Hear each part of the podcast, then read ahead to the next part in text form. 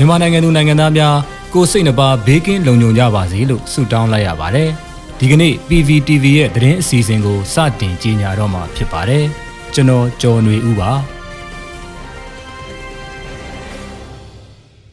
ဒီနေ့ပထမဆုံးတင်ဆက်ပေးခြင်းတဲ့သတင်းကတော့အကြမ်းဖက်စစ်ကောင်စီတပ်ရဲ့အကြမ်းဖက်တိုက်ခိုက်မှုတွေကြောင့်ချင်းတိုင်းရင်းသား108ဦးအသက်ဆုံးရှုံးခဲ့ရတယ်လို့ချင်းရေးရာအဖွဲ့ချုပ်ကထုတ်ပြန်ခဲ့တဲ့သတင်းကိုပထမဆုံးအနေနဲ့တင်ဆက်ပေးခြင်းပါတယ်။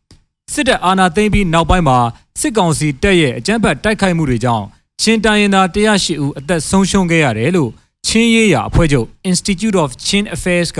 ဩဂုတ်လ31ရက်နေ့မှာထုတ်ပြန်ခဲ့ပါတယ်။တည်ဆုံးခဲ့ရတဲ့ချင်းတိုင်းရင်းသားတွေထဲမှာအသက်18နှစ်အောက်ကလေးသူငယ်14ဦးနဲ့အမျိုးသမီး9ဦးအပါအဝင်အရက်သား58ဦးပါဝင်ပြီးချင်းတော်လန်ရေးတပ်ဖွဲ့တွေက52ဦးပါဝင်တယ်လို့ဆိုပါတယ်။တည်ဆုံးသူတွေနဲ့ မိသားစုထံပြန်မပေးတဲ့အရက်သား9ဦးပါဝင်တယ်လို့ထုတ်ပြန်ထားပါတယ်။စစ်ကောင်စီတပ်ကအဲ့ဒီလိုအလောင်းဖျောက်ခဲ့လို့အဲ့ဒီအရက်သား9ဦးကိုလူဂုံတိတ်ခါနဲ့အညီချင်းရိုးရာဒလိထုံတန်းခရီးယန်ဒလိထုံတန်းတွေနဲ့အညီတကြိုခွင့်မရခဲ့ဘူးလို့ဖော်ပြထားပါတယ်။စစ်ကောင်စီတပ်နဲ့ချင်းတော်လန်ရင်အင်အားစုတွေရဲ့တိုက်ပွဲတွေမှာစစ်ကောင်စီတပ်ကကြေးရွာလူနေအိမ်များအတွင်အတင်းအဓမ္မဝင်ရောက်ကျူးကျော်တာပြည်သူတွေရဲ့ပိုင်ဆိုင်မှုတွေနဲ့ရိတ်ခါတွေကိုခွင့်ပြုချက်မရှိဘဲအသုံးပြုတာ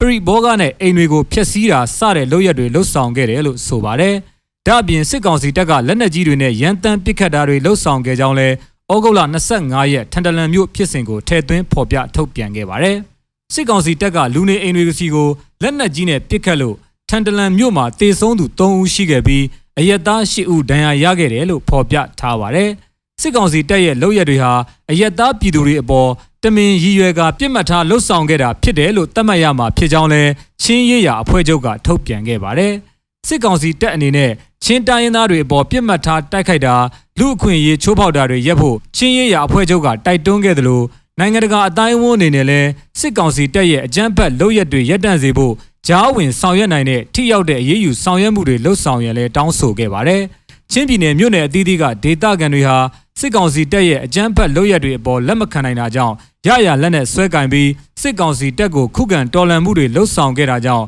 မင်းတပ်မတူပီဟာခါထန်တလန်ကံပက်လက်စတဲ့ဒေသတွေမှာတိုက်ပွဲတွေဖြစ်ခဲ့ပါတယ်။တိုက်ပွဲတွေမှာစစ်ကောင်စီတပ်ဖွဲ့ဝင်တွေအထိနာခဲ့ပြီးတေဆုံးဒဏ်ရာရသူတွေများပြားခဲ့ပါတယ်။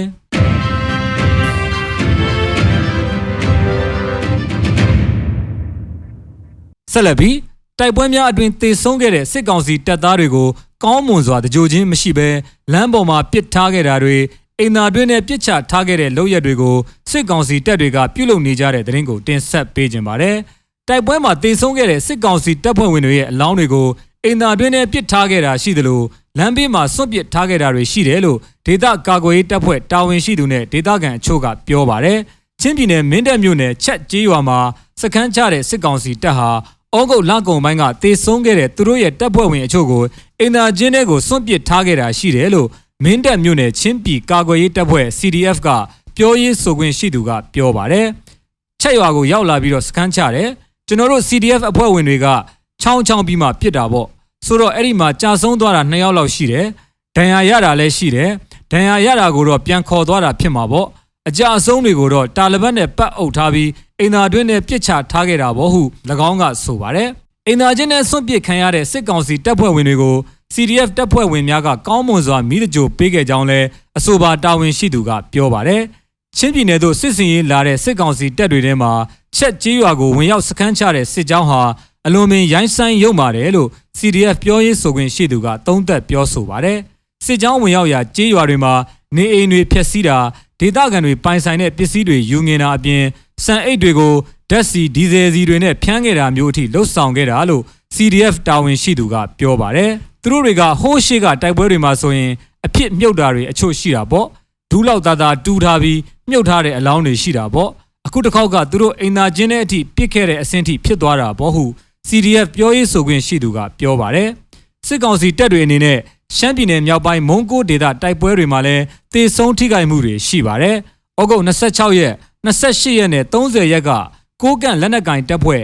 MNDAA နဲ့ဖြစ်တဲ့တိုက်ပွဲတွေမှာစစ်ကောင်စီတပ်ဖွဲ့ဝင်တွေတေဆုံးဒဏ်ရာရတာတွေများပြားခဲ့တယ်လို့ MNDAA ကထုတ်ပြန်ပါတယ်။စစ်ကောင်စီအနေနဲ့တေဆုံးသွားတဲ့တပ်ဖွဲ့ဝင်18ဦးရဲ့ရုပ်အလောင်းတွေကိုမုံကိုမြို့နမ်ဟူဒေသမှာစွန့်ပစ်ခဲ့တာရှိတယ်လို့ဒေသခံတွေရဲ့ပြောကြားချက်ကိုကိုးကားပြီးရှမ်းမြောက်ဒေသခံတဦးကပြောပါတယ် မုံကိုဒေသတိုက်ပွဲတွေမှာစစ်ကောင်စီတပ်စီကတင်စီရမိတဲ့လက်နက်ခဲယမ်းတွေနဲ့တေဆုံးသွားတဲ့စစ်ကောင်စီတပ်ဖွဲ့ဝင်တွေရဲ့ရုပ်အလောင်းတွေဟာလမ်းဘေးမြောင်းတွေထဲမှာရှင်အလူးလူးဖြစ်နေတဲ့ပုံတွေလူမှုကွန်ရက်စာမျက်နှာတွေပေါ်မှာတွေ့မြင်နေရတာဖြစ်ပါတယ်။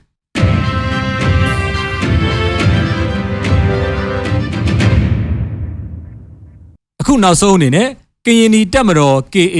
ကရင်နီအမျိုးသားကာကွယ်ရေးတပ်ဖွဲ့ KNDF ပူးပေါင်းတပ်ဖွဲ့နဲ့အကြမ်းဖက်စစ်ကောင်စီတပ်တွေကြားဖြစ်ပွားတဲ့တိုက်ပွဲတွေမှာစစ်ကောင်စီတပ်ဘက်ကကြာဆုံးမှုတွေများနေတဲ့တဲ့ရင်ကိုတင်ဆက်ပေးကြပါမယ်။လွိုက်ကော်မြို့နယ်လွိုင်လင်းလေးဒေသမှာကရင်နီလက်နက်ကင်ပူးပေါင်းတပ်ဖွဲ့နဲ့စစ်ကောင်စီတို့၄ရက်အတွင်းတိုက်ပွဲ6ကြိမ်ထက်မနည်းဖြစ်ပွားခဲ့ရမှာစစ်ကောင်စီတပ်ကတေဆုံးဒဏ်ရာရသူတွေရှိသလိုကရင်နီရဲဘော်အချို့လည်းဒဏ်ရာရခဲ့ပါတယ်။ကရင်နီတပ်မတော် KA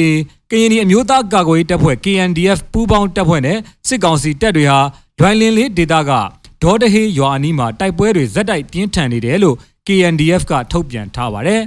။ဩဂုတ်လ28ရက်မှာဒွိုင်လင်းလေးဒေသမှာတိုက်ပွဲ၄ကြိမ်ဖြစ်ပွားခဲ့ရာ၃ကြိမ်ကဒေါ်တဟေးရွာအနီးမှာဖြစ်ပြီးဩဂုတ်29ရက်မှာတစ်ကြိမ်ဒီကနေ့ဩဂုတ်31ရက်မှာတစ်ကြိမ်တိုက်ပွဲဆက်လက်ဖြစ်ခဲ့ပါတယ်။ ဩဂုတ်28ရက်တိုက်ပွဲမှာစစ်ကောင်စီဘက်ကတေဆုံးထိခိုက်တာရှိခဲ့တယ်လို့29ရက်တိုက်ပွဲမှာအ ਨੇ ဆုံးစစ်ကောင်စီတပ်ဖွဲ့ဝင်9ဦးတေဆုံးပြီးလက်နက်ခဲယမ်းအချို့တင်စီရမိခဲ့တယ်လို့ KNI တပ် KMPP KA ရဲ့သတင်းနဲ့ပြန်ကြားရေးစာမျက်နှာ KNIC ကဖော်ပြထားပါတယ်။ဩဂုတ်30ရက်မှာနှစ်ဖက်ရင်ဆိုင်တိုက်ပွဲဖြစ်တာမရှိပေမဲ့လွိုင်ကော်နဲ့လွိုင်လင်လေးမြို့အခြေဆိုင်စစ်ကောင်စီတပ်တွေကလက်နက်ကြီးတွေနဲ့အချက်ပေါင်းများစွာပစ်ခတ်ခဲ့တယ်လို့ KNDF ကထုတ်ပြန်ထားပါတယ်။ ဒီကနေ့ဖြစ်တဲ့ဒေါ်တဟေးကြီးရွာနီတိုက်ပွဲဟာတနာရီခန့်ကြာမြင့်ခဲ့ပြီးစစ်ကောင်စီတပ်ကတာလွန်အင်အားနဲ့လက်နက်ကြီးတွေနဲ့အဆက်မပြတ်ပစ်ခတ်ခဲ့တယ်လို့ဆိုပါတယ်။အဲ့ဒီတိုက်ပွဲမှာကရင်နီတပ်ကရဲဘော်အချို့အသေးစားထိခိုက်ဒဏ်ရာရရှိခဲ့တယ်လို့ KNDF ကထုတ်ပြန်ပါတယ်။စစ်ကောင်စီတပ်ကလွိုက်ကောအပါဝင်ကရင်နီကရားဒေသအတွင်းမှာထိုးစစ်ဆင်စစ်ရေးလှုပ်ရှားနေတာကြောင့်ယခုဩဂုတ်လအတွင်းတိုက်ပွဲအကြိမ်20ကျော်ဖြစ်ပွားခဲ့ပါတယ်။တိုက်ပွဲဖြစ်ပွားရာဒေသတွေက